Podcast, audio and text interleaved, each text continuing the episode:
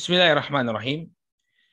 Innal hamdalillah nahmaduhu wa nasta'inuhu wa nastaghfiruh wa na'udzu billahi min shururi anfusina wa min sayyiati a'malina. May yahdihillahu fala mudilla lah wa may yudlil fala hadiya lah. Ashhadu an la ilaha illallah wahdahu la syarika lah wa ashhadu anna Muhammadan abduhu wa rasuluh. Allahumma salli wa sallim ala nabiyyina Muhammad wa ala alihi wa sahbihi wa man ittaba'a hudahu ila yaumiddin amma ba'd. Saudaraku kaum muslimin yang semoga senantiasa dirahmati oleh Allah. Alhamdulillah, puji dan syukur tak henti-hentinya kita panjatkan kepada Allah Subhanahu wa taala atas segala nikmat yang telah Allah Subhanahu wa taala anugerahkan kepada kita semua, terutama nikmat taufik dan hidayahnya sehingga sampai saat ini kita masih bisa melaksanakan aktivitas ketaatan kita kepada Allah Subhanahu wa taala kita berharap mudah-mudahan Allah Subhanahu wa taala menganugerahkan keistiqomahan kepada kita semua. Amin ya rabbal alamin. Salawat serta salam semoga senantiasa tercurah kepada junjungan kita Nabi Muhammad, kepada keluarga, para sahabat, dan pengikut beliau hingga akhir zaman. Saudaraku, kaum muslimin yang dirahmati oleh Allah, insya Allah di malam hari ini, waktu Indonesia, atau di siang hari, waktu UK dan sekitarnya, kita akan kembali melanjutkan pelajaran kita membahas sirah dari para sahabat Nabi Shallallahu Alaihi Wasallam waridwanullah alaihim ajmain. Insya Allah di malam hari ini sahabat yang akan kita angkat biografinya adalah sahabat yang mulia, yakni sahabat Khabbab bin Al Arad radhiyallahu taala anhu. Khabbab bin Al Arad radhiyallahu taala anhu. Disebutkan uh, oleh Al Imam Al Hafidh Ibnu Hajar rahimahullah bahwa nama lengkap beliau adalah Khabbab bin Al-Arad. Khabbab bin Al-Arad bin Jandalah bin Jandalah bin Sa'ad At-Tamimi. Bin Jandalah bin Sa'ad At-Tamimi. Nah, beliau ini termasuk sahabat dari kalangan duafa. Karena Khabbab bin Arad ini uh, memiliki status sebagai seorang budak. Sama kayak Bilal, ya, sama kayak Bilal. Jadi beliau memiliki status sebagai seorang budak. Disebutkan oleh Al-Hafidh Ibnu Hajar rahimahullahu taala dalam Al-Isabah subiya fil jahiliyah ya fabuyi'a fi Makkah fakana maula Ummi Anmar Al-Huzaiyah ini kisahnya Khabbab bin Al-Arad, ya beliau di masa jahiliyah diperbudak. Kemudian beliau dijual di kota Makkah dan menjadi budak dari Ummu Anmar Al-Huzaiyah. Ummu Anmar Al-Huzaiyah. Jadi ini statusnya Khabbab bin Arad ya. Dan uh, sudah sering kita singgung ya bahwa para sahabat ya banyak di antara mereka yang berasal dari kaum duafa. Ya dari bekas budak ya atau dari uh, bukan dari uh, apa bangsawan Quraisy bukan dari keluarga yang uh, memiliki status sosial yang tinggi di tengah-tengah bangsa Arab. Termasuk Khabab bin Arad jadi Khabab bin Arad ini adalah seorang uh, budak ya di masa jahiliyah dia dijadikan budak kemudian Eh, menjadi miliknya Ummu Anmar Al-Huzaiyah. Dan Khabbab bin Arad ini dikenal dengan kepandaiannya ya sebagai pandai besi. Jadi beliau uh, mampu untuk membuat, membuat ya uh, apa peralatan-peralatan yang terbuat dari besi, pedang atau alat-alat pertanian atau baju besi dan yang semisalnya ini menjadi keahlian Khabbab bin Arad. Nah, masuk Islamnya Khabbab bin Arad ini disebutkan oleh para ulama ini eh, termasuk di awal-awal Islam. Bahkan sebagian mengatakan beliau itu menjadi orang yang ke-20. Ya, orang yang ke-20 masuk Islam di awal-awal dakwah. Al-Imam Ibnu Ishaq ya, Al-Imam Ibnu Ishaq rahimahullah menyebutkan dalam sirahnya wa amma Ibnu Ishaq fadzakara Islam Khabbab ba'da tis'ata asyar insanan. Adapun Al-Imam Ibnu Ishaq, beliau menyebutkan bahwa keislaman Khabbab ini setelah 19 eh, orang sahabat. Artinya sudah ada 19 orang sahabat yang masuk Islam sebelum beliau wa annahu kammalal ishrin dan beliau menyempurnakannya menjadi 20 orang. Maksudnya apa? Beliau menjadi orang yang ke-20 masuk Islam. Beliau menjadi orang yang ke-20 masuk Islam. Dan di antara keutamaannya Khabbab bin Arad ya di masa awalnya beliau masuk Islam, beliau ini menampakkan ya berani menampakkan keislamannya di tengah masyarakat Quraisy. Al-Imam Az-Zahabi rahimahullah taala menyebutkan ya awwalu man azhara islamahu Rasulullah sallallahu alaihi wasallam wa Abu Bakar wa Khabbab wa Bilal wa Suhaib wa Ammar. Kata Az-Zahabi rahimahullah, orang-orang yang pertama menampakkan keislamannya yang pertama adalah Rasulullah Shallallahu Alaihi wa ala alihi Wasallam. Rasulullah Shallallahu Alaihi Wasallam. Kemudian yang kedua adalah sahabat yang mulia Abu Bakar Siddiq radhiyallahu taala anhu. Kemudian Khabbab, Bilal, Suhaib dan Ammar. Ya. Khabbab bin Al-Arad, Bilal bin Rabah, Suhaib bin Sinan Ar-Rumi dan Ammar ibn Yasir radhiyallahu taala anhum ajmain. Ya. Jadi ini sahabat-sahabat yang pertama menunjukkan Islam ya. Dalam sebagian riwayat disebutkan bahwa Abu Bakar ketika itu beliau dilindungi oleh keluarganya dari Bani Taim. Ya, jadi Abu Bakar As-Siddiq ini berasal dari keluarga dengan status sosial tinggi. Sehingga orang-orang tidak berani kemudian untuk menyiksa Abu Bakar As-Siddiq. Ada keluarga yang melindunginya. Adapun empat orang sahabat yang kita sebutkan belakangan, ini Khabbab, Bilal, Suhaib, dan Ammar, mereka ini eh, mantan-mantan budak. Dan mereka adalah orang asing di tengah-tengah penduduk Makkah. Ya, Khabbab mantan budak, ya, atau ketika itu bahkan masih berstatus sebagai seorang budak. Khabbab, Bilal, kemudian Suhaib, ya, Kemudian uh, Ammar bin Yasir, Ammar bin Yasir sudah dalam keadaan merdeka ya, tapi dia bekas budak. Satu sosial mereka rendah di tengah-tengah masyarakat Quraisy. Ya, mereka inilah yang jadi bulan-bulanan. Ya, mereka inilah yang menjadi bulan-bulanan orang-orang Quraisy. Mereka mendapatkan siksaan demi siksaan karena mempertahankan keislaman mereka. Bahkan disebutkan dalam hadis yang diriwayatkan oleh Al-Imam At-Tirmidzi ya, Eh, bahwa Habab bin Arad ini pernah mengerjakan sebuah tugas dari sebagian kaum musyrikin ya dengan mendapatkan upah dengan mendapatkan upah.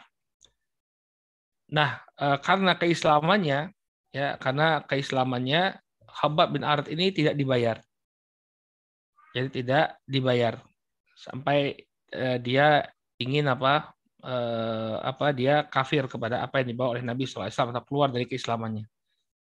Jadi ada ya di antara para sahabat itu yang tidak diupah, ya upahnya ditahan karena dia muslim, karena dia muslim. Diriwayatkan oleh Imam At-Tirmidzi dan kisahnya juga disebutkan oleh Imam Ahmad dalam mustadnya. Khabbab bin Ard bercerita, Jitu al-As bin Wa'il as-Sahmi ataqadahu haqqan li endah. Ya, aku mendatangi Al-As bin Wa'il As-Sahmi ya untuk menuntut hak ya hakku yang ada pada dirinya. Ya. Artinya apa? Dia pernah membuat sesuatu untuk eh, apa Al-As bin Wa'il As-Sahmi tapi dia nggak mau dibayar ya tidak mau membayarkan hak tersebut. Faqala la u'tika ya hatta takfuru bi Muhammadin sallallahu alaihi wasallam.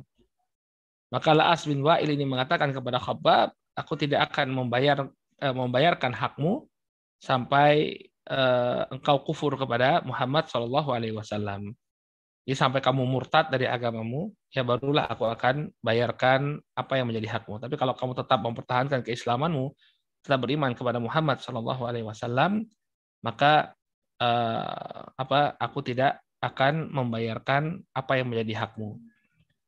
Fakultu maka kemudian aku mengatakan kepada Al-As bin Wa'il, Fakultulah hatta tamut, ya thumma tub'as.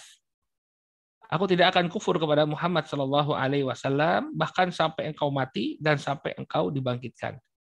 Artinya aku akan tetap berpegang kepada ajarannya Muhammad Shallallahu Alaihi Wasallam. Walaupun nanti engkau meninggal dunia, engkau dibangkitkan, ya aku tetap akan berada dalam keimananku. Nah. Kemudian uh, Al As bin Wa'il dia dia membalas ya membalas ucapan Khabbab bin Arad tadi dengan ejekan. Dia mengatakan Qala wa inni lamayitun thumma mab'utsun ya. Masa aku mati nanti kemudian aku dibangkitkan. Ya, jadi salah satu eh, apa apa yang diyakini oleh orang-orang Quraisy ini mereka tidak eh, meyakini adanya hari kebangkitan. Masa orang yang sudah mati kemudian nanti akan dibangkitkan? Maka Al-As bin Wa'il mengatakan kepada Khabbab bin Arad, ya, masa nanti saya akan mati? Setelah setelah saya mati kemudian saya akan dibangkitkan kembali? Dan kemudian eh, Habab mengatakan, "Naam." Ya, iya. Ya, setelah kamu mati nanti kamu akan dibangkitkan. Fakal kemudian uh, Al-As bin Wa'il mengatakan, "Innali hunaka malan wa waladan fa'aqdika." Ya, maka kemudian dia mengatakan, kalau memang nanti saya dibangkitkan ya sudah, saya punya harta, saya punya anak, nanti di akhirat saya akan bayarkan apa yang menjadi hakmu. Jadi dia mengolok-olok apa mengolok-olok uh, Khabab bin Arad. Wahai Khabab, karena kamu yakin nanti ada hari kebangkitan, ya sudah, nggak usah dibayar. Kamu nggak usah dibayar, nanti aja. Saya bayar nanti.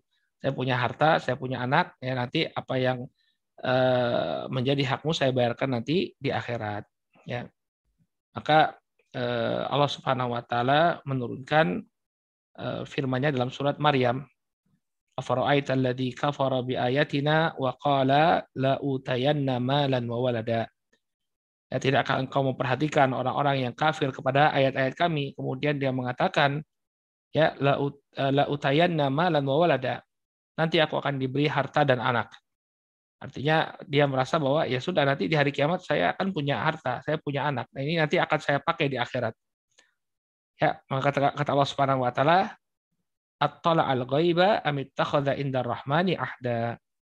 Ini dari mana dia tahu bahwa nanti dia akan diberikan uh, harta dan anak-anaknya akan kembali di akhirat. Apakah dia mengetahui perkara yang gaib atau dia sudah bikin janji ya dijanjikan oleh Allah Subhanahu wa taala. Artinya kamu dari mana kamu tahu bahwa nanti kamu punya harta, anak-anakmu akan uh, membelamu? Ya kamu nggak tahu. Karena itu perkara yang gaib dan kamu juga nggak ada tidak dijanjikan oleh Allah Subhanahu wa taala terhadap hal tersebut. Ya, maka ini uh, merupakan olok-olokan ya artinya uh, apa penolakan uh, Amr bin As uh, Al As bin Wa'il ya uh, terhadap uh, hak dari Khabbab bin Arad radhiyallahu taala. Nah, dari sini kita bisa melihat bahwa para sahabat mengalami cobaan dari berbagai sisi ya. Di antaranya uh, mereka tidak dibayar atas pekerjaan yang sudah mereka kerjakan. Harusnya mereka mendapatkan ya sekian-sekian dari uh, gaji atau dari upah uh, dari apa yang mereka lakukan, tapi karena keimanan mereka hak tersebut tidak diberikan. Nah. Dan kemudian eh, Al-As, uh, nah, maaf, Khabab bin Arad radhiyallahu taala anhu, Khabab bin Arad radhiyallahu taala anhu ya karena keislamannya beliau disiksa habis-habisan. Disebutkan oleh Imam Asy-Sya'bi rahimahullahu taala, "Inna Khababan sabara wa lam yu'til kafir ya ma sa'alu." Sesungguhnya Khabab bin Arad ini termasuk dari para sahabat yang sabar. Jadi mereka tidak apa eh, Khabab tidak eh, apa tidak melakukan apa yang diinginkan oleh orang-orang yang menyiksanya. Jadi dia disiksa, namun dia tidak mengucapkan eh, apa yang diinginkan oleh orang-orang yang menyiksanya. Qala faja'alu ya yulziquna dhahrahu birradhaf hatta dhahaba lahmu matnihi. Maka kemudian karena Khabbab bin Arad ini tidak mau e, mengucapkan apa yang mereka inginkan, ini maksudnya orang kafir itu dia mengucapkan kalimat-kalimat kufur, mengkufuri apa yang diajarkan oleh Nabi Shallallahu Alaihi Wasallam. Tapi karena dia tidak mau mengucapkannya, maka kaum musyrikin pun menempelkan eh, apa meletakkan kemudian menempelkan punggung khabab ya dengan batu yang sangat panas sampai kemudian eh, dagingnya daging punggungnya khabab itu sampai meleleh karena saking panasnya batu yang ditempelkan kepada punggungnya ya jadi eh, apa Abu bin Arad ini termasuk orang-orang yang begitu sabar dalam menerima ujian yang Allah berikan karena keimanannya. Siksaan yang diberikan oleh orang-orang Quraisy ini dihadapi dengan kesabaran oleh Khabbab bin Arad radhiyallahu taala anhu. Ya, dan karena kekuatan keimanannya ya beliau dibela ya dibela oleh Allah Subhanahu wa taala.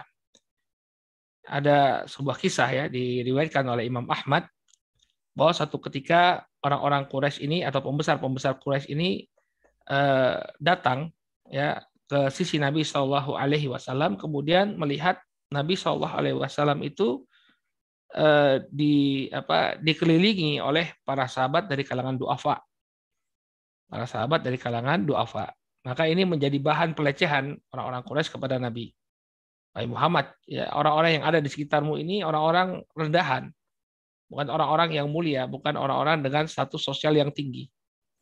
Maka Allah Subhanahu wa taala menurunkan rangkaian ayat untuk membela para sahabat dari kalangan duafa tadi.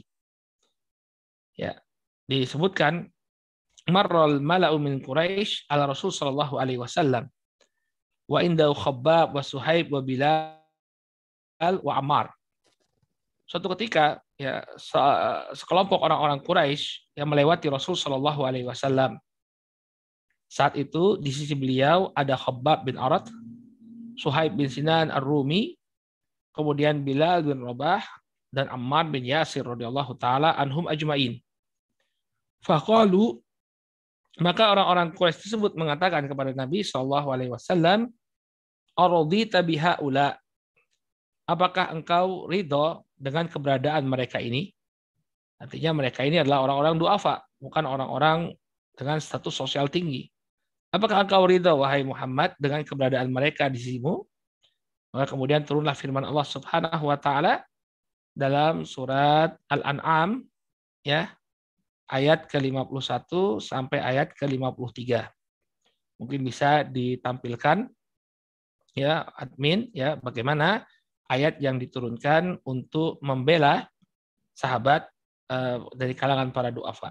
Ya, Khabbab, Suhaib, Bilal, dan Ammar. Allah Subhanahu wa taala berfirman, "Wa anzir bihil ladzina yakhafuna an yuhsyaru ila rabbihim. Laisa lahum min dunihi waliyyun wala syafi' la'allahum yattaqun." Dan berilah peringatan ya dengan apa yang telah diwahyukan kepada orang-orang yang takut mereka nanti akan dikumpulkan kepada Robnya pada hari kiamat dalam keadaan mereka tidak memiliki seorang pelindung sama sekali demikian juga seorang pembeli syafaat yang demikian itu agar mereka bertakwa. Jadi Nabi Shallallahu Alaihi Wasallam diberi perintah oleh Allah Subhanahu Wa Taala untuk memberikan peringatan kepada manusia bahwa mereka nanti akan Eh, ketika mereka dihimpunkan nanti di hari kiamat nggak ada seorang pun yang bisa memberikan perlindungan kepada mereka ya melainkan hanya Allah Subhanahu wa taala. Lalu kemudian Allah Subhanahu wa taala berfirman dan ini yang berkaitan dengan para sahabat dari kalangan duafa tadi wala tatrudil ladzina yad'una rabbahum bil ghadati wal ashi yuriduna wajhah ma 'alaika min hisabihim min syai' wa ma min hisabika 'alaihim min syai' fatadrudahum minadh zalimin. Ya. Kata Allah Subhanahu wa taala dan janganlah engkau mengusir orang-orang yang menyeru kepada Rob mereka di waktu pagi dan petang ya dengan penuh keikhlasan menginginkan wajah Allah Subhanahu wa taala. Dan ketahuilah wahai Muhammad, ma 'alaika min hisabihim min syai' wa ma min hisabika 'alaihim min syai' bahwa engkau tidaklah bertanggung jawab atas perbuatan mereka dan mereka pun tidak memikul tanggung jawab atas perbuatanmu. Semuanya akan dihisap sesuai dengan apa yang mereka lakukan. Fatatrudahum fatakuna minadh-dhalimin. Maka janganlah engkau mengusir mereka dan engkau pun akhirnya menjadi orang-orang yang zalim. Engkau termasuk orang yang zalim. Maka jangan kau usir mereka dari sisimu. Wa kadzalika fatanna ba'dhum bi ba'din liyaqulu haula'i mannallahu alaihim min uh, min bainina alaisallahu bi'alam ya uh, alaisallahu bi'alama minasyakirin au bisyakirin Kemudian kata Allah Subhanahu wa taala, demikianlah kami telah uji sebagian mereka dengan sebagian yang lain agar di antara mereka ada yang mengatakan apakah orang-orang miskin ini orang-orang yang telah diberikan anugerah oleh Allah. Jadi ketika orang-orang kaya dari kalangan kaum musyrikin Quraisy melihat bahwa pengikut Nabi Shallallahu Alaihi Wasallam ini kebanyakannya adalah orang-orang duafa, maka mereka mengatakan, apakah ini orang-orang yang uh, telah diberikan nikmat oleh Allah Subhanahu Wa Taala? Ya, kalau, kalau mereka diberikan nikmat, kenapa kok kemudian mereka dalam keadaan sangat miskin?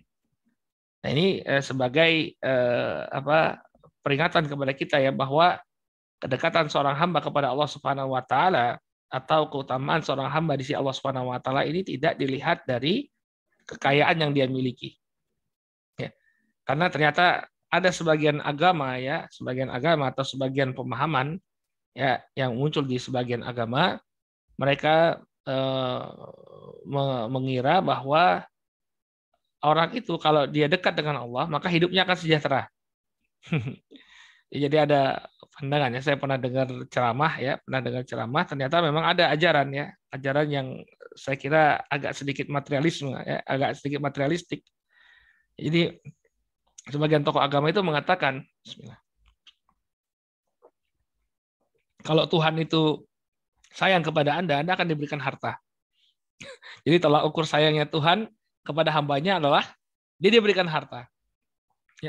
Maka ayat ini menunjukkan kepada kita tidak demikian ya. Karena bisa jadi orang-orang yang sayang, yang disayang oleh Allah Subhanahu wa taala hidup dalam keadaan susah, dalam keadaan miskin, dalam keadaan tidak memiliki status sosial yang tinggi di tengah-tengah masyarakat.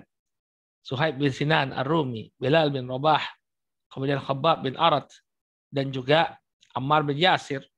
Mereka ini kaum duafa, orang-orang lemah. Tapi apakah kemudian eh, ke eh, kelemahan mereka dari sisi ekonomi dan status ini menunjukkan bahwa mereka bukan orang-orang yang dicintai oleh Allah? Jawabannya tentu nggak ada hubungannya sama sekali ya. Dalam Islam kemuliaan itu dilihat dari ketakwaan seseorang. Inna akramakum indallahi atqakum. Sesungguhnya orang yang paling mulia di antara kalian adalah orang-orang yang bertakwa. Maka jangan sampai kemudian kita mengatakan bahwa ketika melihat ada orang yang susah, oh mereka ini adalah orang-orang yang dimurkai oleh Allah. Tidak ya, tidak ada hubungannya sama sekali keprihatinan yang ada pada diri seseorang dengan ya e, dicintai atau tidaknya dia oleh Allah Subhanahu wa taala. Jadi jangan salah paham ya. Makanya ada ya itu tadi ya saya katakan ada yang mengatakan bahwa kalau orang miskin itu orang-orang yang dibenci oleh Allah, tidak ya. Tidak ada kaitan sama sekali. Nah, ya kata Allah Subhanahu wa taala, ya liyaqulu ahaula imanallahu alaihim min bainina ya agar mereka mengatakan apakah ini orang-orang yang diberi anugerah oleh Allah? Kalau diberi anugerah oleh Allah kenapa mereka miskin? Ya maka tidak ada kaitan sama sekali. Alaihissallahu bi'alama bisyakirin. Tidakkah Allah Subhanahu wa taala itu mengetahui ya eh, siapa di antara hamba-hambanya yang bersyukur? Artinya anda Eh, Anda diberikan kekayaan ya. Bukan berarti kemudian Anda menjadi orang yang bertakwa. Justru harta yang diberikan kepada Anda bisa menyebabkan bencana. Ya, misalnya dia jadi orang yang eh, apa jadi orang yang tidak bersyukur jadi orang yang memanfaatkan hartanya untuk kebatilan ya untuk kemaksiatan. Maka bukan berarti eh, harta yang banyak yang diberikan oleh Allah Subhanahu wa taala kepada seseorang ini menjadi ciri ya kebaikan atau uh, bahwa dia adalah orang yang dicintai oleh Allah Subhanahu wa taala. Nah, kemudian barakallahu fiikum ya Khabbab bin Arad ya ini ada kisah yang cukup menarik ya bahwa uh, beliau ketika itu disakiti oleh majikannya. Ya, disakiti oleh majikannya. Dan Allah Subhanahu wa taala me, apa namanya me, membalas ya membalas keburukan sang majikan eh, apa kepada eh, membalas keburukan sang majikan terhadap Khabbab bin Arad. Baik dinukilkan oleh Al-Imam Ibnu Athir rahimahullah taala dalam Usdul Qabah beliau mengatakan kana Khabbab ya eh, naam kana Khabbab eh, qayyinan ya eh, yadba'u as-suyuf dahulu uh, Khabbab adalah seorang pandai besi yang dia uh, suka membuat pedang. Wa kana Rasul sallallahu alaihi wasallam yu'allifuhu wa ya'ti. Dan dahulu kebiasaan Nabi Shallallahu Alaihi Wasallam, beliau kan senang bergaul dengan orang-orang duafa, dengan orang-orang lemah. Maka Khabbab bin Arad ini sering didatangi oleh Nabi Shallallahu Alaihi Wasallam. Nabi Shallallahu Alaihi Wasallam sering bergaul dengan Khabbab bin Arad. Qala uh, fa ukhbirat ya maulatuhu bidzalik. Maka majikannya Khabbab ya majikannya Khabbab ya uh, dikabari bahwa Khabbab ini sering dikunjungi oleh Nabi Shallallahu Alaihi Wasallam. Maka kemudian marahlah sang majikan, ya marahlah sang majikan karena majikan tersebut sangat benci kepada Rasul Shallallahu Alaihi Wasallam.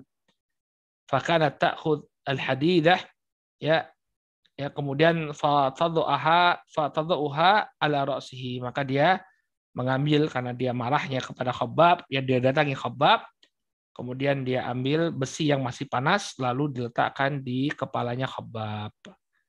Ya, hadis ini ya majikannya ya. Jadi dia ambil besi yang masih panas kemudian dia letakkan di kepalanya Khabbab bin Arad. Qala fasyaka dzalika ila Rasul sallallahu alaihi wasallam faqal Allahumma ansur Khabbaban maka kemudian Khabbab pun mengadu kepada Nabi Shallallahu Alaihi Wasallam, mengadukan perlakuan yang dia terima dari sang majikan sadis ya, besi yang panas ya karena kemarahannya kepada Khabbab ya besi yang panas itu kemudian diletakkan di kepalanya Khabbab bin Arad. Faqala Allahumma ansur Khabbaban. Maka kemudian eh, pun didoakan oleh Nabi Shallallahu Alaihi Wasallam, ya Allah berikanlah pertolongan kepada Khabbab. Ya, Kemudian apa yang terjadi? Ya, suatu hari Allah Subhanahu wa taala balas kejelekan yang dilakukan oleh sang majikan kepada Khabbab. Ya, suatu ketika dia mengalami sakit eh, di kepalanya yang teramat sangat ya. Jadi eh, majikannya merasakan sakit yang teramat sangat di kepala kepalanya. Fashtakat maulatuhu Ummu Anmar Roksah. Suatu ketika majikannya yang bernama Ummu Anmar tadi mengadukan sakit yang dia derita di kepalanya. Aduh, kepalaku sakit sekali, kepalaku sakit sekali.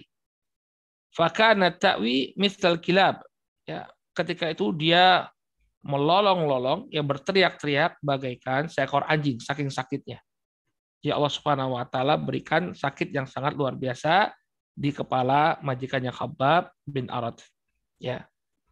Fakilalaha ya iktawi ya maka kemudian orang-orang mengatakan kepada wanita tersebut, ya, e, obatilah sakit kepalamu dengan kei. Kei itu adalah metode pengobatan dengan menempelkan besi panas, ya, besi panas.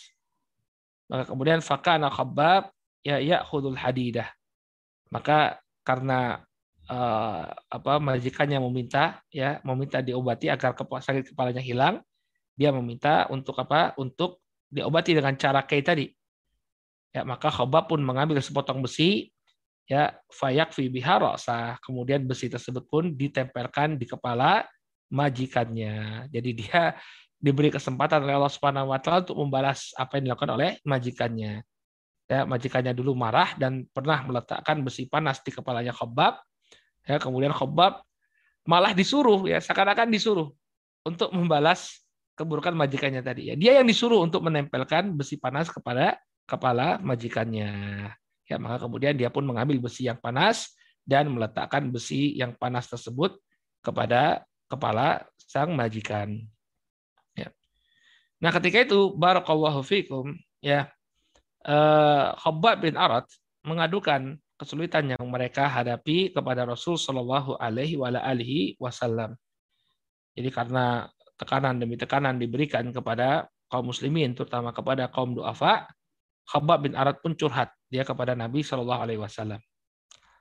Kisahnya disebutkan oleh Al-Imam Muslim rahimahullah taala dalam sahihnya. Yang disebutkan oleh beliau ya dari Khabbab bin Arad beliau mengatakan syakauna ila Rasulillah sallallahu alaihi wasallam wa huwa mutawassidun burdatan lahu fi dhilil Ka'bah Suatu ketika kami mengadukan kepada Nabi Shallallahu Alaihi Wasallam, kami mengadu kepada Nabi Shallallahu Alaihi Wasallam yang saat itu beliau sedang eh, apa sedang duduk ya beralaskan kain burdah dalam atau di bawah lindungan Ka'bah. Fizil Ka'bah, di bawah lindungan Ka'bah. Di bawah naungan Ka'bah. Jadi Nabi SAW sedang duduk-duduk berteduh di dekat Ka'bah. Kulna maka kami mengutak, mengatakan kepada Nabi Shallallahu Alaihi Wasallam, ala tastansirulana ya wahai Rasulullah tidakkah engkau meminta pertolongan untuk kami? Ala tad'ulana tidakkah engkau mendoakan kami wahai Rasulullah? Artinya beban yang mereka rasakan ini demikian berat wahai Rasulullah. Kenapa engkau tidak meminta pertolongan dari Allah Subhanahu wa taala terhadap apa yang kami derita kenapa engkau tidak berdoa kepada Allah Subhanahu wa taala untuk menghilangkan apa yang sedang kami dapatkan berupa cobaan maka apa kata Nabi Shallallahu Alaihi Wasallam? Qad kana man qablakum yu'khadur rajulu fayuhfaru lahu fil ard fayuj'al fiha. Ya. Di antara kalian, eh, di antara orang-orang sebelum kalian ya, di masa sebelum kalian ada sebagian orang, ini orang-orang yang beriman, dia disiksa yuhfaru lahu fil ard. Bagaimana cara dia disiksa? Ya, digalikan lubang digalikan lubang, fayuji alfiha, kemudian dia pun ditanam hidup-hidup. Jadi Nabi Shallallahu Alaihi Wasallam ini ingin uh, menggambarkan kepada para sahabat bahwa konsekuensi orang beriman itu ya ada ujiannya. Bahkan ujian sebagian orang itu lebih berat daripada apa yang kalian alami di masa kalian. Karena Nabi Shallallahu Alaihi Wasallam dahulu ada di antara orang-orang yang beriman ini ditimbun hidup-hidup, dikuburkan hidup-hidup. Ya digali eh, apa lubang kemudian dia dimas diperintahkan untuk dimasukkan ke dalam lubang tersebut lalu dia pun dikuburkan hidup-hidup. Fayuja'u bil minsyar fayudha'u ala ra'sihi. Ya demikian juga ada di antara mereka yang eh, didatangkan kepadanya eh, sepotong gergaji. Fayudha ala ra'sihi. Kemudian gergaji tersebut diletakkan di atas kepalanya. Fayuji al nisfain. Ya kemudian dia pun dibelah dua. Tubuhnya dibelah dua. Jadi ada orang-orang di ya, orang-orang sebelum kalian itu siksaannya luar biasa. Ada di antara mereka yang ditimbun hidup-hidup dikubur hidup-hidup ada juga yang kemudian digergaji tubuhnya sampai terbagi menjadi dua wa yumshatu bi amsyatil hadid maduna lahmihi wa azmih ya dan di antara mereka ada juga yang disisir dengan sisir yang terbuat dari besi. Maka terpisahlah tulang dan dagingnya. Jadi ini tulang dan daging, tangannya misalnya kemudian dimasukkan besi, ya dimasukkan besi, uh, sisir yang terbuat dari besi, kemudian dicongkel ya, dipisahkan antara tulang, antara daging dan tulangnya. Syak. Bayangkan, kalau tadi apa dikubur hidup-hidup. Kemudian yang kedua di belah dua, ada gergaji badannya, dibagi jadi dua. Kemudian yang ketiga dicakar dengan cakar dari besi, ya kemudian dipisahkan daging dan tulangnya. Dalam keadaan dia hidup itu. Dalam keadaan dia masih masih hidup. Kalau wama yasudduhu dzalika andinihi. Namun tidaklah siksaan-siksaan tersebut kemudian menghalangi dia dari agamanya. Artinya mereka ini walaupun uh, diberikan ujian dengan ujian yang sangat luar biasa, ya sakitnya luar biasa ya tapi mereka tetap berpegang teguh kepada agama mereka. Jadi sabarlah ya. Inilah pentingnya kita melihat perjuangan orang-orang terdahulu. Kalau kita membandingkan perjuangan kita ya bagaimana kita menjaga keislaman kita menjaga keimanan kita ini tidak ada apa-apanya kalau dibandingkan dengan apa yang dihadapi oleh eh, apa orang-orang terdahulu para sahabat saja disuruh oleh Nabi SAW untuk membandingkan siksaan yang mereka terima dengan siksaan orang-orang terdahulu. Ternyata siksaan orang-orang terdahulu ini lebih parah lagi ya, lebih dahsyat lagi. Ya, disisir uh, dagingnya dengan sisir dari besi agar terpisah dengan tulangnya. Ngeri sekali ya. Kita membayangkannya saja naudzubillah. Ya mudah-mudahan Allah Subhanahu wa taala melindungi kita dari hal-hal yang semacam ini. Kalau kemudian kata Nabi Shallallahu alaihi wasallam wallahi nah, la uh, la yatimmanna hadal amru hatta yasira raqib min san'a ila hadramaut la yakhafu illallah wa dhi'ba ala ghanamihi walakinnakum tastajilun demi Allah sungguh Allah Subhanahu wa taala akan menyempurnakan agamanya ini sampai seseorang mengendarai kendaraannya dari Son'a sampai ke Hadramaut dalam keadaan tidak takut sama sekali kecuali hanya kepada Allah dan khawatir kepada serigala yang akan menerkam kambingnya. Artinya eh, jangan khawatir wahai khabab ya, wahai para sahabat, Allah akan menangkan agama ini. Yang penting bagi kalian itu sabar saja, sabar. Kemenangan itu pasti akan diberikan oleh Allah Subhanahu wa taala. Walakinnakum tastajilun. Hanya saja kalian tergesa-gesa. Artinya jangan kalian tergesa-gesa. Insya Allah Allah akan berikan kemenangan kepada kepada kita. Dan memang yang namanya ujian ini pasti akan dirasakan ya oleh setiap orang yang berpegang teguh dengan keimanannya. Jadi kalau kita dapat dapatkan ujian dari Allah Subhanahu wa taala itu jangan merasa bersedih. Inilah konsekuensi dari kita beriman kepada Allah. Allah Subhanahu wa taala mengatakan ya dalam surat Al-Ankabut, di awal-awal surat Al-Ankabut, Allah Subhanahu wa taala mengatakan Alif Lam Mim. Mungkin bisa ditampilkan juga. Alif Lam Mim. Ahasiban nas an yutraku an yaqulu amanna wa hum la yaftanun wa hum la yuftanun. Alif Lam Mim. Apakah manusia itu mengira bahwa mereka akan dibiarkan begitu saja mengatakan amanna kami beriman. Wahum la yuftanun. Dalam keadaan mereka tidak diberikan ujian. Walaqad fatanna alladhina min qablihim. Fala ya'lamanna Allahu alladhina sadaku. Wala ya'lamanna al-kadhibin.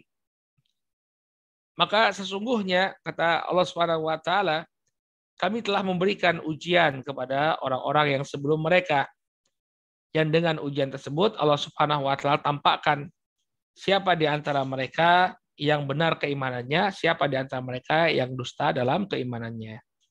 Jadi yang namanya ujian ini adalah uh, satu hal yang Allah pakai untuk menampakkan siapa orang yang jujur dalam keimanannya, siapa yang tidak. Jadi memang itu konsekuensi dari keimanan kita pasti akan ada ujian. Ya. Dan jangan khawatir yang namanya pertolongan Allah Subhanahu wa taala itu dekat. Inna nasrullah qarib. Pertolongan Allah itu dekat ya. Jadi yang dituntut dari kita hanyalah bersabar. Adapun pertolongan itu sudah dijamin oleh Allah Subhanahu wa taala, pastilah Allah Subhanahu wa taala akan berikan pertolongannya. Ya, dalam surat Al-Baqarah ayat yang ke-214 Allah Subhanahu wa taala berfirman, ya, am hasibtum an tadkhulul jannah walamma ya'tikum mathalul ladzina khalau min qablikum Ya, tidakkah kalian mengira, apakah kalian mengira bahwa kalian itu akan masuk surga Padahal belum datang kepada kalian ujian sebagaimana ujian yang menimpa orang-orang sebelum kalian. Al-Baqarah 214. Ya. Masat humul ba'sa wa dharra wa zulzilu hatta yaqula ar-rasul walladzina amanu ma'ahu mata nasrullah. Mereka ditimpa dengan berbagai kesengsaraan, ya, berbagai bahaya, bahkan mereka diguncang ya, dengan berbagai cobaan, dengan berbagai ujian hatta yaqulur rasul ya hatta yaqulu rasul walladzina amanu ma'ahu mata nasrullah. Sampai kemudian rasul dan orang-orang yang bersama orang-orang yang beriman yang bersamanya mengatakan mata nasrullah. Kapankah datangnya pertolongan Allah? Ala inna nasrullahi qarib. Ketahuilah bahwa pertolongan Allah itu datangnya dekat. Jadi jangan khawatir kita insya Allah akan ditolong oleh Allah subhanahu wa ta'ala ya. Ditolong oleh Allah subhanahu wa ta'ala jadi jangan khawatir ya, semua sisaan yang diterima oleh para sahabat ya Allah Subhanahu wa taala ganti dengan sesuatu yang lebih baik. Ya. Bahkan ke mana orang-orang yang dulu dengan sombong yang menyiksa para sahabat semuanya tewas dalam keadaan yang mengenaskan. Umayyah bin Khalaf ya kemudian eh, Abu Jahal dan yang lainnya ya, dari orang-orang yang suka me, apa berbuat buruk kepada kaum muslimin semuanya dihukum oleh Allah Subhanahu wa taala. Maka kita janganlah khawatir ya. Allah Subhanahu wa taala pasti akan memberikan pertolongan kepada kita. Baik.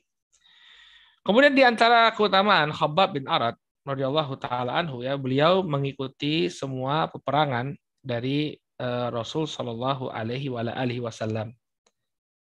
Disebutkan oleh Al-Imam Adz-Dzahabi rahimahullah, syahida Badran wa Uhudan wal masyahida kullaha ma'a Rasul sallallahu alaihi wasallam Khabab bin Arad ini mengikuti perang Badar, perang Uhud dan seluruh peperangan bersama Rasul Shallallahu Alaihi Wasallam. Berarti beliau radhiyallahu taala adalah sosok yang uh, sangat pemberani ya. beliau senantiasa menyertai Rasul Shallallahu Alaihi Wasallam dalam uh, setiap peperangan. Dan beliau radhiyallahu taala ini memiliki uh, kedudukan ya di tengah-tengah para sahabat, ya di tengah-tengah para sahabat. Ya, bahwa uh, apa dia apa di di mata para sahabat ya beliau memiliki kedudukan yang disebutkan dalam Tabaqat Ibnu Sa'ad. Ya suatu ketika Khobab ini datang ya di tengah-tengah majelis. Maka eh, Umar ketika itu langsung memberikan tempat di dekat beliau agar Khobab itu duduk di samping beliau. Disebutkan oleh Imam Ibnu Sa'ad ya qala Umar lil Khabbab udunuh Ya, fama ahadun ahaqqu bihadzal majlis minka illa Ammar. Ketika datang Khabbab, eh, Umar memerintahkan Khabbab untuk mendekat. Duduk dekat sini wahai Khabbab. Fama ahadun ahaqqu bihadzal majlis minka illa Ammar. Maka tidak ada yang berhak untuk duduk di majlis ini, di tempat ini, kecuali engkau dan Ammar. Jadi orang-orang yang mulialah yang berhak duduk di sini. Berarti apa? Umar menganggap bahwa Khabbab ini adalah sahabat yang mulia sampai diberikan tempat duduk yang spesial di sisi Umar bin Khattab. Baik. Qala faja'ala yurihi ya bi dhahrihi syai'an yakni min asari ta'dzibi Quraisy lahu. Nah, kemudian di tengah-tengah manusia Khabat pun menunjukkan eh, bekas siksaan orang-orang Quraisy di punggung beliau. Jadi agar diambil ibrohnya ya betapa beratnya perjuangan yang di eh, alami oleh para sahabat ridwanullah alaihim ajmain. Nah, kemudian di antara keutamaan Khabbab bin Arad ini juga ya, saudaraku kaum muslimin yang dirahmati oleh Allah bahwa eh, Khabbab bin Arad ini menghafalkan surat Al-Qasas langsung dari Rasulullah Shallallahu alaihi wasallam. Jadi beliau ini menghafalkan satu surat secara utuh langsung dari Nabi Shallallahu alaihi wasallam.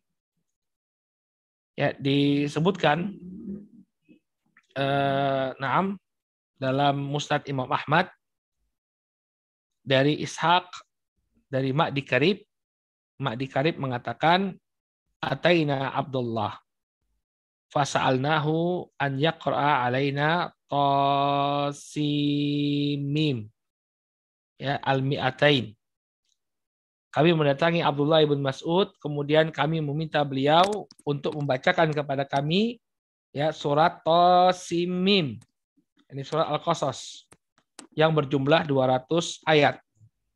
Ini mereka ingin mengambil bacaan Al-Quran dari Abdullah bin Mas'ud. Faqala ma hiya ma'i walakin alaikum man akhadaha min Rasul sallallahu alaihi wasallam yakni Khabbab bin Arad. Ya. Maka kemudian kata Abdullah Ibn Mas'ud ya, eh, saya tidak menghafalkannya Ya, artinya eh, ada ada sahabat yang lebih afdol ya, hafalannya terhadap surat ini daripada saya. Maka hendaknya kalian ambil itu dari orang yang mengambilnya langsung dari Rasul Shallallahu Alaihi Wasallam, yaitu Khabbab bin Arad. Itu Khabbab bin Arad. Berarti Khabbab bin Arad mengambil surat Al-Qasas ini langsung dari mulutnya Rasulullah Shallallahu Alaihi Wasallam. Beliau belajar langsung diajari oleh Nabi SAW satu surat secara utuh. Faqala fa'ataina Khabbab bin al-Arad faqara'aha alaina. Maka kami pun mendatangi Khabbab bin Arad, maka beliau pun mengajarkan ya surat tersebut kepada kepada kami. Masya Allah. Ya. Kemudian di antara Khabbab bin uh, keutamaan Khabbab bin Arad radhiyallahu taala anhu ya bahwa beliau uh, sangat cermat ya terhadap sifat sholatnya Nabi Shallallahu Alaihi Wasallam. Artinya bagaimana tata cara sholatnya Nabi Shallallahu Alaihi Wasallam ini benar-benar diperhatikan oleh Khabbab bin Arad. Nah, beliau ingin untuk me, apa? Ingin untuk e, beribadah sesuai dengan apa yang dituntunkan oleh Nabi Shallallahu Alaihi Wasallam. Nabi Shallallahu Alaihi Wasallam mengatakan, "Sallu kama ra'aitumuni usolli." Salatlah kalian sebagaimana kalian melihat aku salat.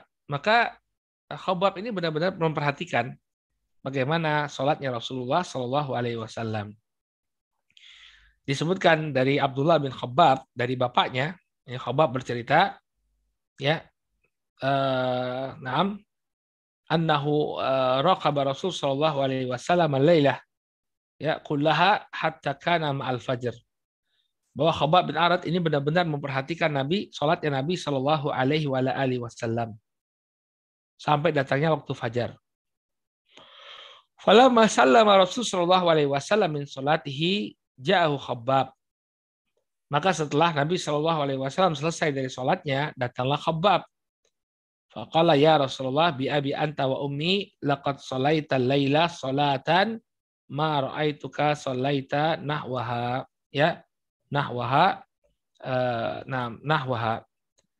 Kata Khabbab bin Alat wahai Rasulullah aku telah memperhatikan sholatmu yang uh, belum pernah aku memperhatikannya seperti ini. Artinya ini adalah kali pertama uh, dia memperhatikan betul bagaimana sholatnya Nabi Shallallahu Alaihi Wasallam. Maka Rasul Shallallahu Alaihi Wasallam mengatakan, ya ajal innaha salatu rogabin warohab.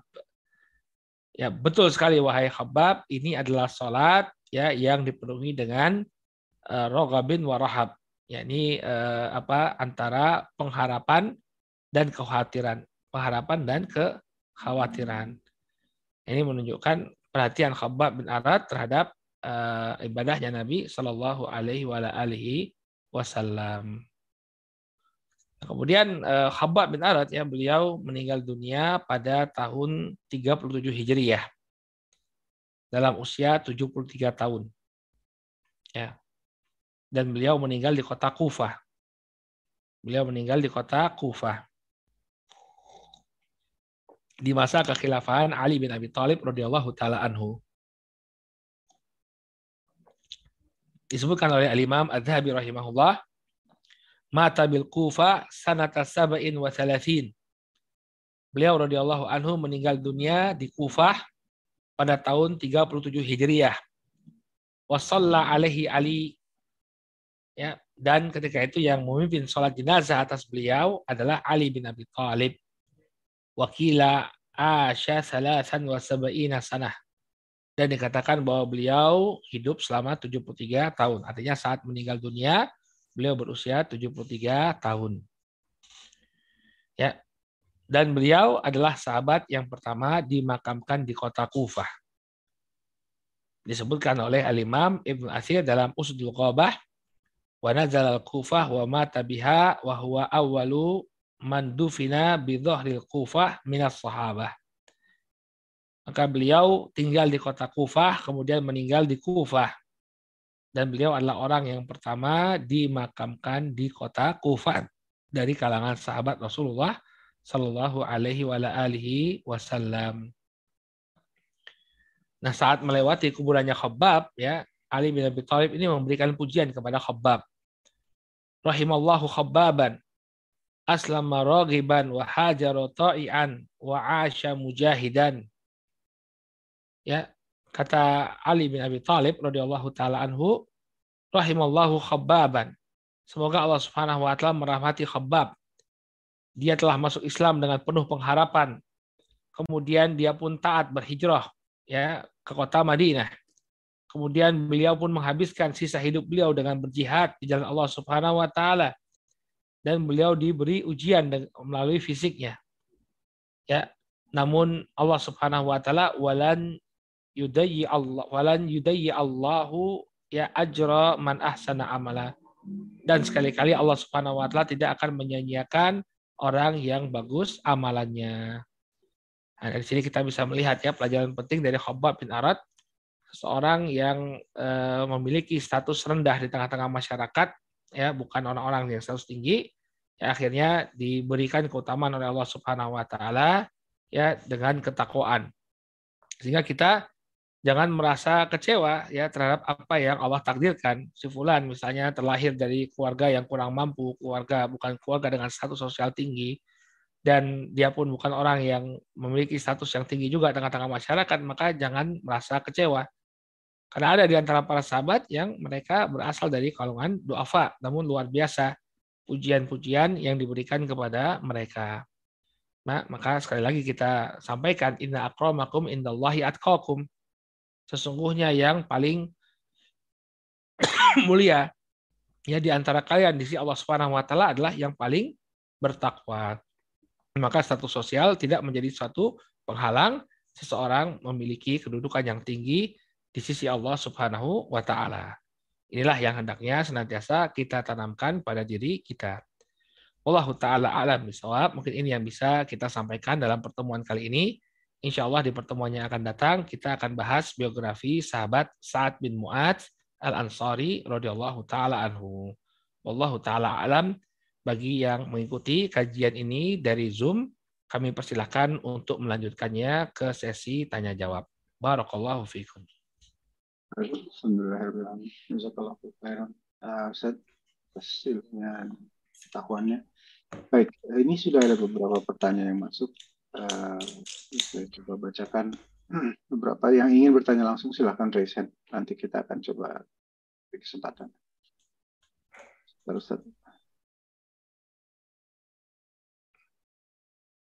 Ada pertanyaan? Ah, baik. Bismillahirrahmanirrahim. Assalamualaikum warahmatullahi wabarakatuh. Mohon izin bertanya, Ustaz. Uh, tadi disampaikan kalau anugerah dari Allah itu bukan dengan kekayaan. Apakah maksudnya bahwa Allah akan memberikan anugerah kona bagi yang dicintainya karena ketakwaan orang-orang tersebut? Jadi walau hidup kekurangan, hati tetap tenang dan bahagia. Benar sekali barakallahu fikum. Itulah yang kita maksudkan. Ya.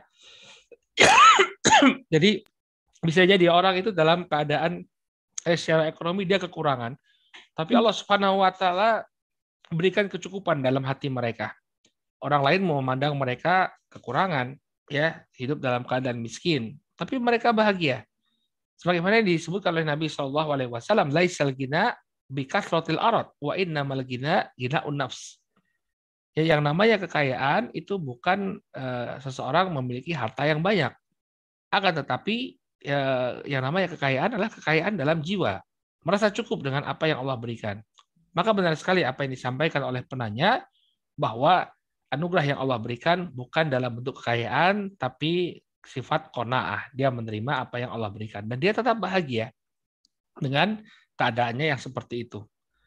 Makanya eh, sebagian ulama mengingatkan ya ketika Allah berfirman dalam surat At-Tolak ayat yang ketiga, "Wa may yattaqillaha yaj'al lahu makhraja wa yarzuqhu min haitsu la yahtasib."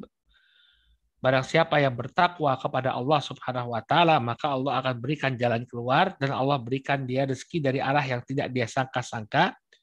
Maksud dari rezeki yang tidak dia sangka-sangka di sini bukan hanya berbentuk harta. Allah berikan harta. Dia butuh uang, Allah kasih uang. Dia butuh uh, harta, Allah berikan harta. Tidak tapi terkadang rezeki yang Allah berikan itu adalah sifat kona'ah. Jadi dia tidak diberikan harta, tapi apa yang ada pada dirinya dia syukuri. Dia merasa cukup. Ya udah dia merasa bahagia dengan harta yang sedikit tadi.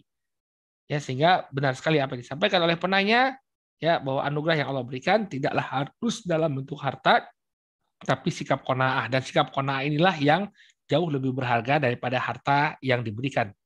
Kalau harta ini masih eh, apa 50-50 ya bisa dia menjadi eh, sebab kebaikan bisa dia menjadi sebab keburukan ya tapi kalau konaah tidaklah konaah itu melainkan dia adalah kebaikan.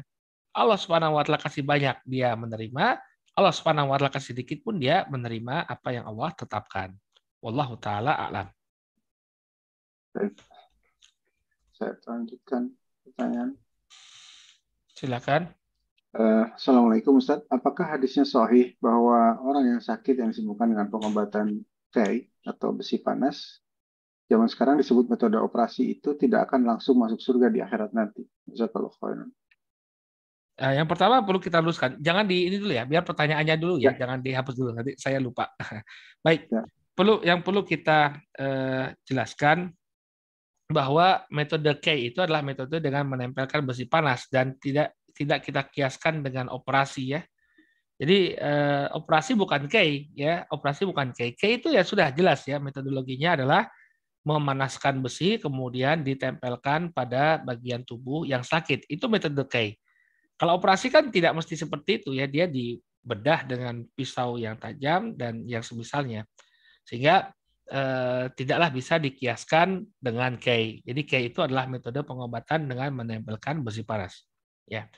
Nah sekarang pertanyaannya apakah benar kalau orang itu dia melakukan eh, apa pengobatan dengan metode K lalu dia tidak masuk surga, ini keliru dalam memahami hadis. Ya, eh, yang yang dimaksud adalah dia meminta meminta diobati dengan K. Ini yang pertama. Dia meminta agar orang mengobatinya dengan metode K. Kemudian bukannya dia tidak masuk surga, tapi eh, orang yang tidak meminta di K itu dia menjadi berpeluang ya untuk masuk surga tanpa hisap, tanpa adab. Jadi ya perlu kita pahami maknanya bahwa bukan dia tidak masuk surga, tapi orang yang tidak meminta dikai, dia berpeluang untuk masuk surga tanpa hisap, tanpa adab. Dalam hadis yang sahih ya Nabi Shallallahu Alaihi Wasallam menyebutkan bahwa di antara umat beliau ada eh, apa 70 ribu orang yang masuk surga tanpa hisap, tanpa adab. Kemudian para sahabat bertanya-tanya, siapa mereka ini? Siapa mereka yang masuk surga tanpa hisab, tanpa adab ini? Maka Nabi SAW jelaskan kepada para sahabat, humulari uh, la yastarkun, wa la yaktanun, wa la yatatayyarun, wa ila rabbihim yatawakkalun. Mereka ini adalah orang-orang yang tidak meminta dirukyah. Bukan tidak dirukyah ya, tapi tidak meminta dirukyah. Kemudian tidak meminta diobati dengan metode K. Kemudian yang ketiga mereka tidak ya tidak bertotoyur, menganggap sial. Ya, menganggap sial dengan fenomena alam tertentu. Ya, angka tertentu misalnya menganggap angka 13 angka sial, angka 4 angka sial, bulan Muharram ini bulan kesialan, ya bulan surah bulan kesialan, ini tatoyur. Maka eh, ketika terpenuhi empat syarat ini yang yang dan yang keempat itu baru yang ketiga ya. Yang keempat wa ala rabbihim yatawakkalun dan mereka bertawakal bersandar diri hanya kepada Rob mereka.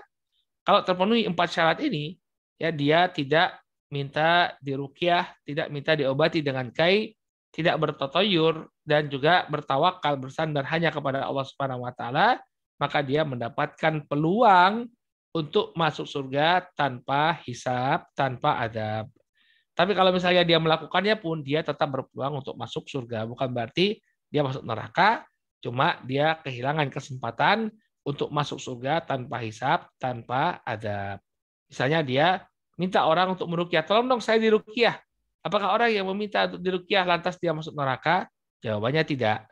Hanya saja dia kehilangan kesempatan untuk menjadi orang yang masuk surga tanpa hisap, tanpa adab. Nah, mudah-mudahan dipahami. Ah, berikutnya Bismillah Ustaz uh, Khabab ibn uh, Al-Arad tadi diberi kesempatan membalas besi panas di kepala majikannya.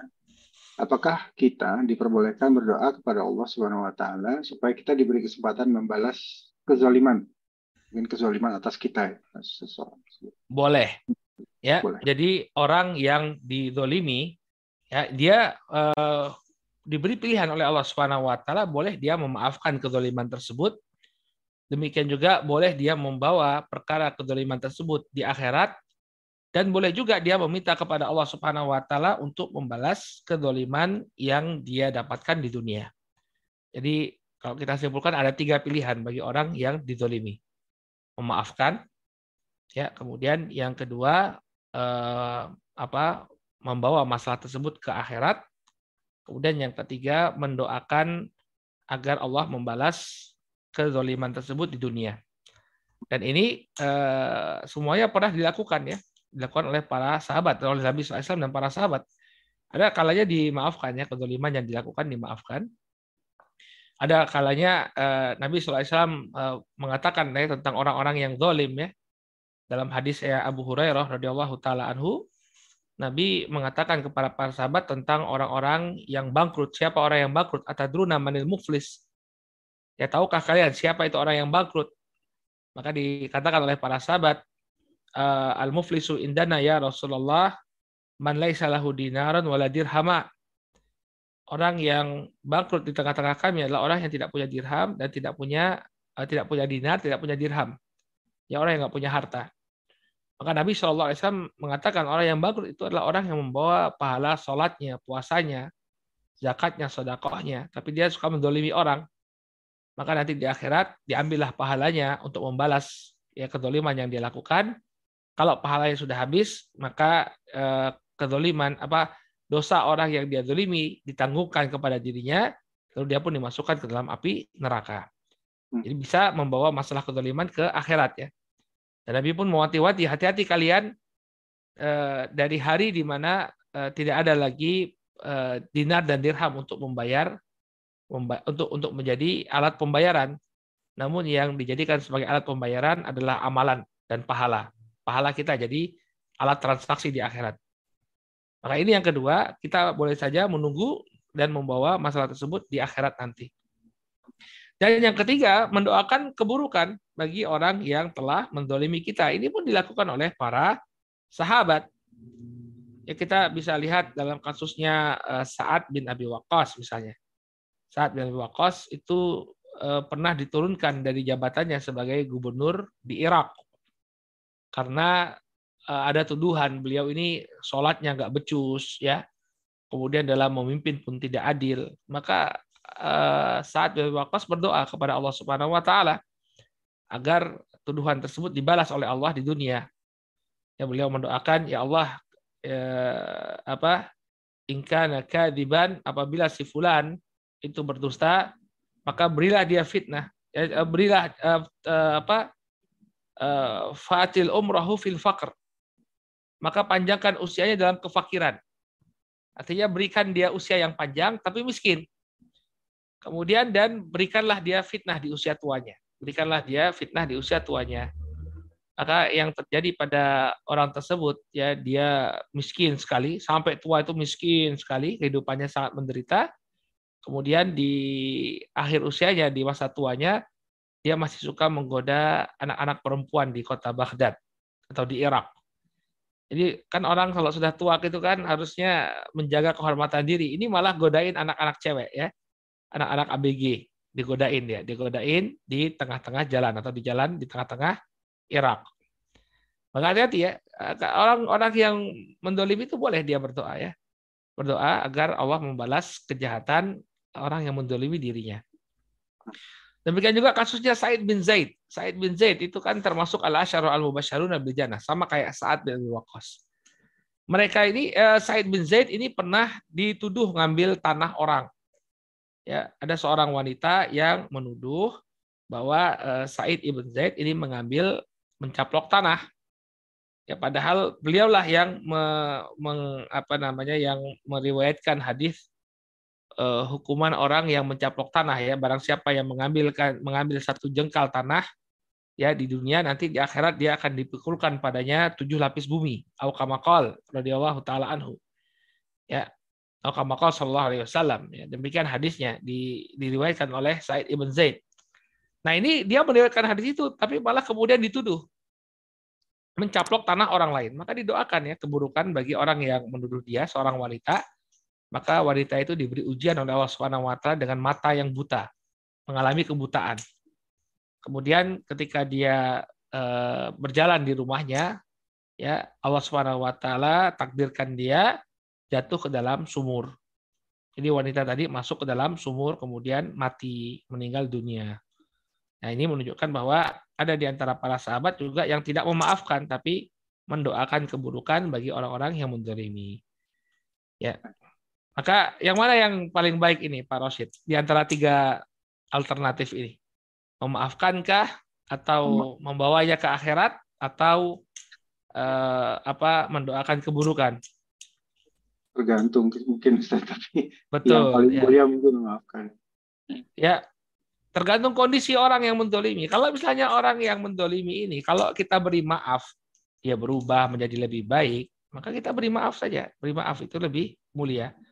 Tapi kalau memangnya orang mendolimi, kalau kita berikan maaf, makin menjadi-jadi kedolimannya, maka beralihlah ke eh, apa ke nomor dua dan nomor tiga. Silakan.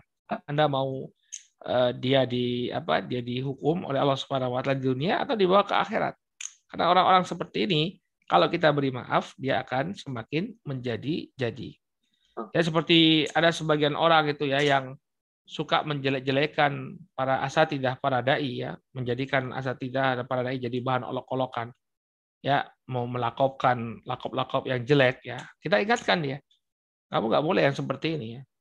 Ini uh, apa menjatuhkan kehormatan orang lain. Kalau misalnya dia tidak berubah, dia merasa bahwa dirinya berada di atas kebenaran, ya sudah doakan keburukan. Dan itu kita tampakkan, doakan keburukan di hadapan orang. Akan menjadi pelajaran bagi yang lain. Ya mungkin ada juga yang ingin ikut-ikutan dia ya menjelek-jelekkan para asatidah, menjelekkan, menjatuhkan kehormatan kaum muslimin. Ya, kita doakan dia dengan keburukan akan jadi peringatan bagi yang lain. Hmm. Ya, karena ada kemaslahatan di sana, ada satu kemaslahatan di sana agar yang lain nggak nggak nggak bermudah-mudahan. Ya agar yang lain tidak bermudah-mudahan. Ya maka eh, seseorang silahkan bagi dia untuk memilih dari tiga alternatif ini mana yang lebih bermanfaat ya itulah yang dia pilih. Ya mudah-mudahan jelas ya karena memang namanya kezaliman ini selalu terjadi di tengah-tengah kita. Nah baik saat ini uh, masih ada waktu saat ya boleh silakan bebas insya Allah ada pertanyaan di luar topik ada empat yang sudah masuk apa itu pertanyaan di luar topik? Pertama nih Ustaz, saya share. Bismillahirrahmanirrahim. Aku izin bertanya Ustaz, ini di luar tema. Ustaz mohon pencerahannya mengenai rezeki suami yang lagi sulit lebih dari enam bulan tidak menafkahi hingga istri harus mengganti tugasnya. Apakah hukumnya Ustaz?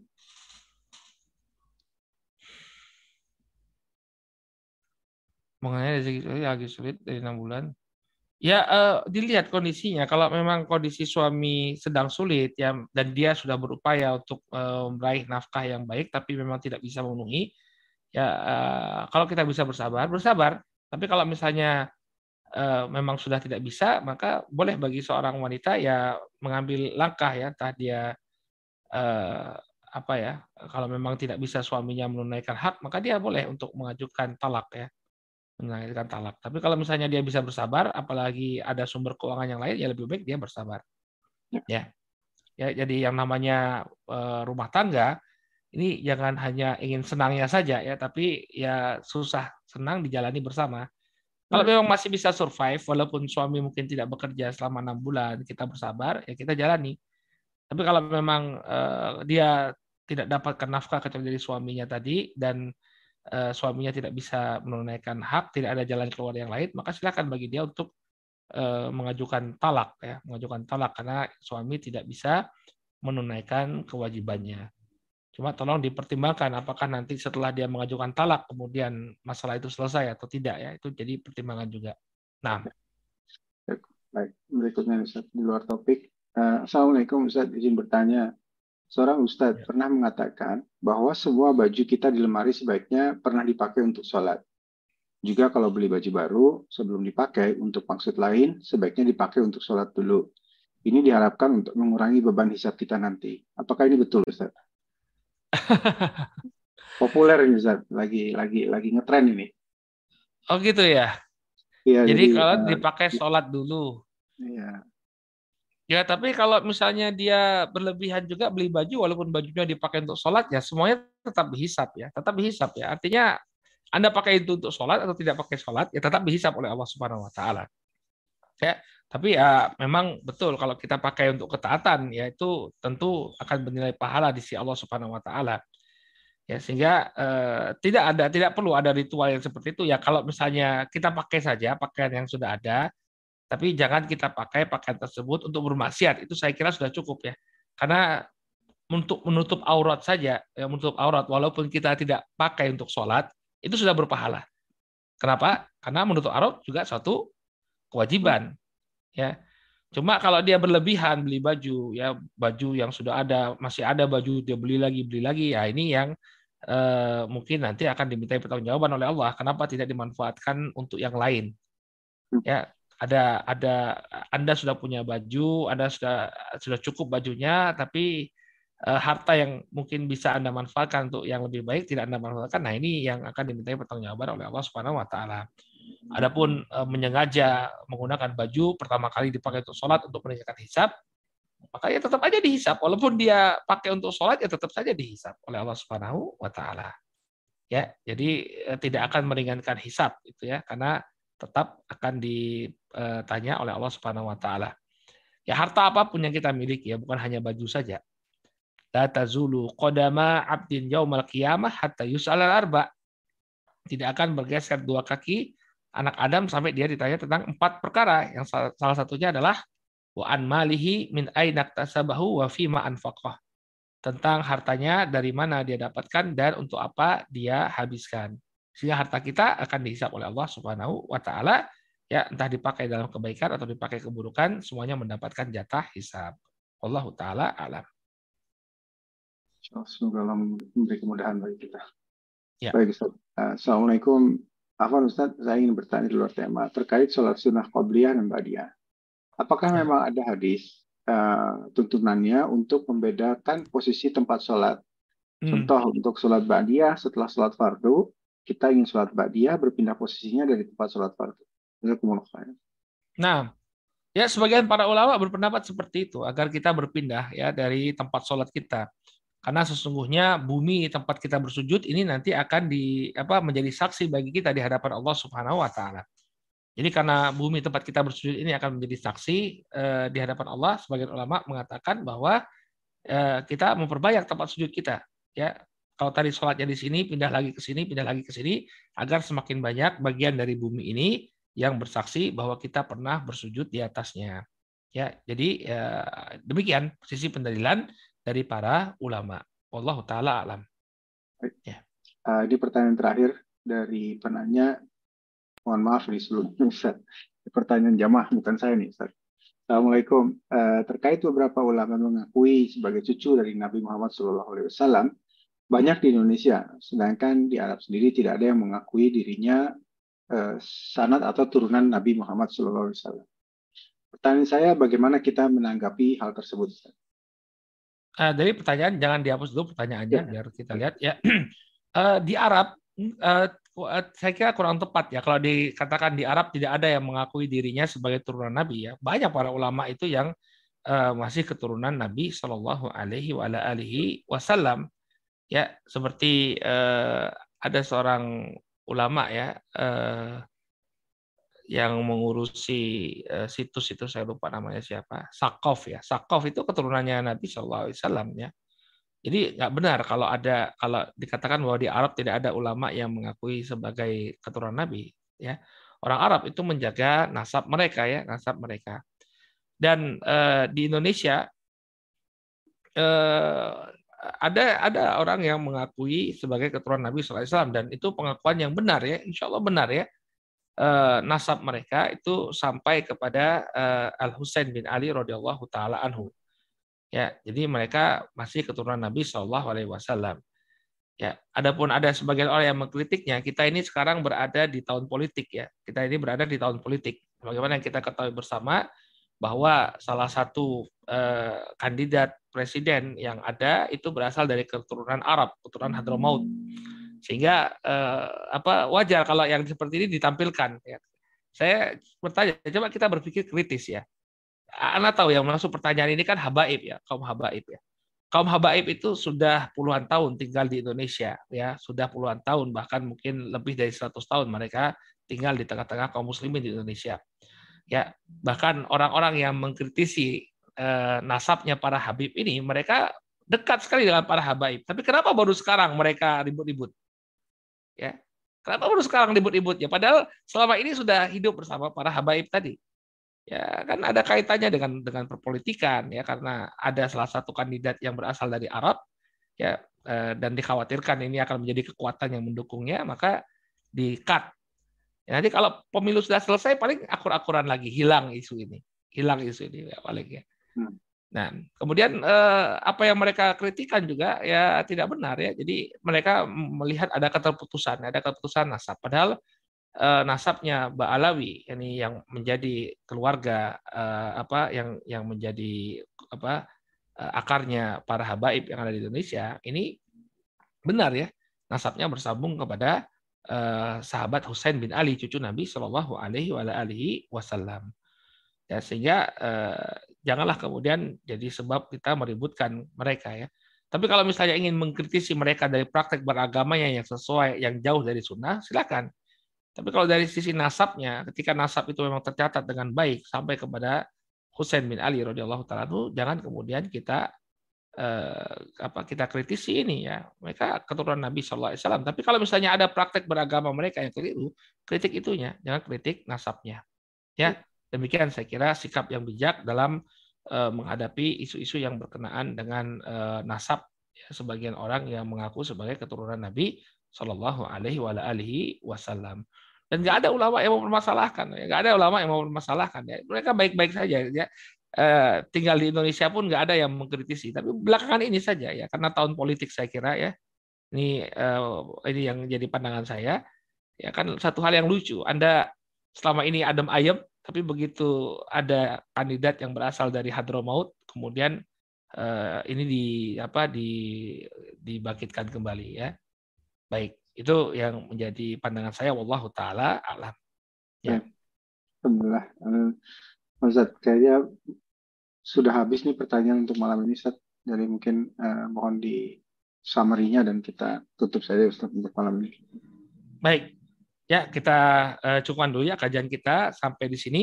Uh, inti yang kita pelajari yang kita uh, dapatkan dari biografinya Khabab bin Arad ya walaupun seseorang itu berasal dari status keluarga yang eh, apa yang bukan siapa-siapa ya tapi kalau dia benar-benar bersungguh-sungguh mencari ridho Allah Subhanahu wa taala bertakwa kepada Allah Subhanahu wa taala maka insya Allah ya Allah Subhanahu wa taala akan mengangkatnya ke derajat yang tinggi bahkan sebagaimana yang kita dapatkan pada sosok Khabab bin Arad Allah itu sampai turunkan ayat untuk membela Khabab bin Arad dan para sahabat dari kalangan para duafa jadi jangan khawatir kita ya. Latar belakang kita, kita nggak bisa ubah latar belakang kita, background keluarga kita bagaimana. Masa kita bisa memilih, saya mau lahir di tengah-tengah keluarga dengan status sosial yang tinggi. Kan nggak bisa. Tapi ya sudah, Allah taala berikan kita status keluarga seperti itu. Yang penting kita bertakwa kepada Allah. Inna akramakum indallahi atqakum. Maka sesungguhnya orang yang paling mulia di sisi Allah Subhanahu wa taala di antara kalian adalah yang paling bertakwa. Jadi kita jadi orang yang bertakwa, ya kemuliaan itu akan kita dapatkan. Allah taala alam bisawab. Mungkin ini yang bisa kita sampaikan. Mudah-mudahan bermanfaat. Subhanakallahumma wa bihamdika asyhadu an la ilaha illa anta astaghfiruka wa atubu. Assalamualaikum warahmatullahi wabarakatuh. Waalaikumsalam warahmatullahi wabarakatuh. Jazakumullah khairan uh, Ustaz atas waktu dan ilmunya. Insya Allah kita akan bertemu kembali di kajian berikutnya, di kajian sirah berikutnya bersama Ustaz. Uh, uh, baik. Eh, dari kami, dari pengurus, kami mohon maaf jika ada kesalahan baik maupun dari sikap maupun perkataan. Insya Allah kita bertemu kembali. Assalamualaikum warahmatullahi wabarakatuh.